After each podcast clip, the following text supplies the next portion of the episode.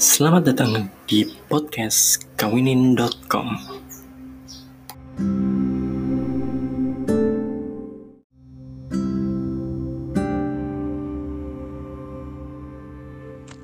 Assalamualaikum warahmatullahi wabarakatuh. Uh, hari ini adalah hari ke-25 sharing sehari 5 menit dan hari ini saya mau sharing mengenai dua hal yang harus dipelajari suami istri. Satu, harus dipelajari betul-betul oleh suami, satu harus dipelajari betul-betul oleh istri. Ya, tujuannya apa? Tujuannya uh, agar rumah tangganya tuh tetap terjaga kondisinya dalam kondisi yang baik gitu. Yang pertama untuk laki-laki, untuk seorang suami wajib belajar gimana caranya bercanda. Wajib belajar caranya gimana bikin ketawa orang. Wajib belajar caranya gimana bikin uh, bahagia istri kita lewat lawakan-lawakan, candaan-candaan gitu. Kenapa? Karena uh, dalam hal ini rumah tangga itu adalah sesuatu yang panjang kalau misalnya rumah tangga kita terlalu serius, nggak ada banyak bercandanya, nggak ada banyak hal yang happy-happy, hal kecil yang low cost, nggak pakai budget, tapi bisa menyenangkan adalah bercanda salah satunya. Nah, jadi laki-laki harus bisa belajar bercanda, harus bisa belajar bikin hal yang menyenangkan sama istrinya, gitu bercanda apa pun sekedar ngelawak kah sekedar uh, ngebecandain kah ngeledek kah atau apa pun segala macem intinya kita harus belajar supaya rumah tangga kita tuh nggak kaku. Supaya rumah tangga kita tuh happy. Ini uh, adalah hal yang bisa dibilang pamungkas. Kenapa? Karena tadi saya bilang kita nggak ngeluarin budget tapi kita tetap bisa happy sama pasangan kita sama istri kita. Gitu. Dan istri pun bisa merasa happy. Nah karena uh, happy ini kalau misalnya kita ngandelin happy dari jalan-jalan dari makan di luar segala macam uh, itu kan pertama kos yang kedua waktu itu kan bakal uh, rumit banget dalam kondisi-kondisi seperti ini. Hal bercanda seperti ini tuh bisa banget kepake kalau misalnya kondisi istri stres lagi hamil, stres setelah melahirkan dan segala macem itu kita bisa banget memakai itu bahkan dalam kondisi apa pun. Walaupun misalnya uh, kita lagi marahan lagi sama-sama dingin lagi sama-sama bete ya kita tetap bisa bercanda buat cairin suasana. Apa pun bercandanya. Uh, bercandanya tuh beda-beda. Kalau saya misalnya hal sepele lah ya.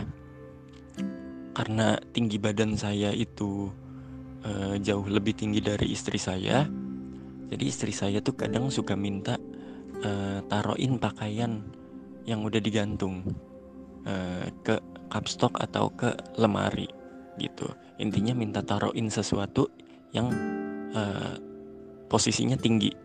Saya nggak ngambil barangnya kemudian ditaruh di atas tapi saya gendong istri saya supaya dia bisa naruh. Itu kan bercanda sepele.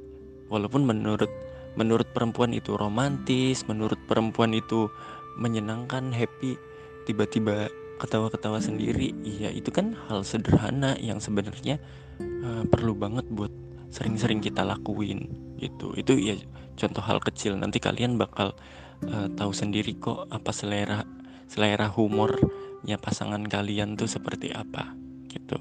Nah buat yang perempuan satu hal yang perlu banget dipelajari adalah masalah syahwatnya suami. Ya uh, ini yang yang nggak diajarin dua hal ini tuh yang nggak diajarin di mana-mana yang yang saya tahu ya Eh, karena saya sebelumnya banyak nyari referensi ternyata dua hal penting ini uh, banyak yang nggak diajarin. Kenapa kita perlu belajar masalah syahwat kepada suami? Karena satu untuk membuat suami tetap bergairah sama istrinya, ya. Su suami tetap bergairah sama istrinya karena ya saya udah pernah bilang bahwa uh, dengan memuaskan syahwat suami itu adalah obat dari segala macam penyakitnya suami gitu. Stres capek pusing segala macam semua semua tuh bisa hilang uh, dengan dipuaskan syahwatnya. Nah istri-istri perlu banget belajar hal ini. Uh, saya juga kurang tahu belajarnya dari mana tapi memang ada satu buku yang jadi panduan saya dan istri dalam hal itu. Dalam hal ngebina hubungan uh, bercanda dan apa bercanda dan masalah syahwat. Nanti saya kasih tahu bukunya apa uh, apa tapi syahwat ini tuh penting banget supaya nggak bosen supaya suami ngerasa bergairah terus ser supaya kita bisa ngerasa happy terus supaya uh, apa ya uh, berhubungan suami istri gitu saat syahwatnya terpenuhi suami itu akan ngerasa sayang banget sama istrinya ngerasa ini orang yang udah melayani saya, ini orang yang udah berkorban buat saya, ini orang yang harus saya penuhi segalanya karena dia telah mengorbankan dan memberikan banyak hal kepada saya. Itu loh yang dirasakan setelah uh, memenuhi kebutuhan syahwat. Istri pun akan merasa uh, senang karena ini loh orang yang melindungi saya, ini loh orang yang bekerja keras buat saya, ini loh or orang yang selalu menahan egonya buat kebahagiaan saya gitu. Kita akan merasakan hal yang uh, luar biasa setelah berhubungan uh, apa uh, berhubungan seks sama pasangan halal kita. Nah karena itulah kita harus sering-sering uh, belajar gimana uh, caranya memenuhi syahwatnya. Uh, dari mulai gimana cara supaya suami selalu bergairah, selalu uh, punya nafsu sama istrinya, cara berpakaiannya gitu.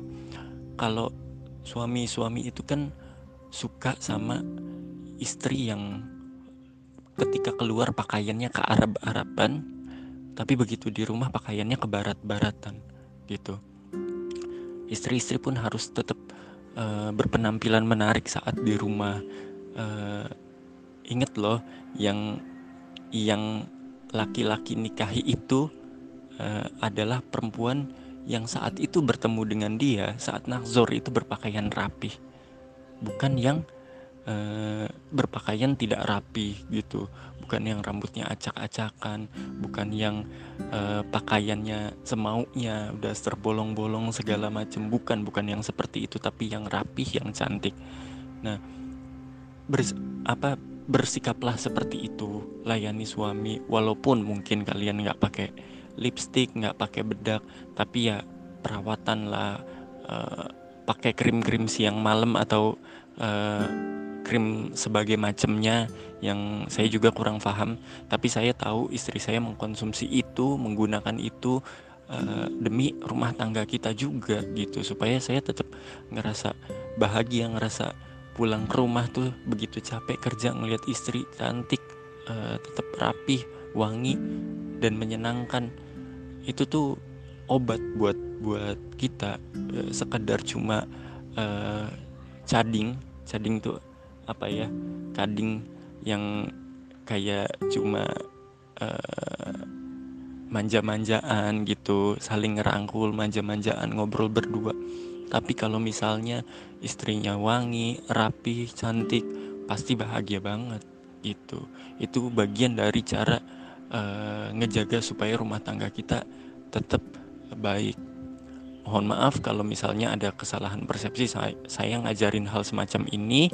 Ini bukan menjurus ke hal-hal yang uh, pornografi uh, atau uh, bermaksud negatif. Justru ini hal yang perlu kita ketahui dalam rumah tangga. Permasalahannya nggak banyak orang yang bicara ini dan nggak banyak orang yang ngajarin ini. Sehingga begitu mulai berumah tangga kita bingung mau ngapain. Gitu. Ya, gitu aja dari saya. Terima kasih. Mohon maaf kalau ada kesalahan. Wabillahi taufiq hidayah. Wassalamualaikum warahmatullahi wabarakatuh.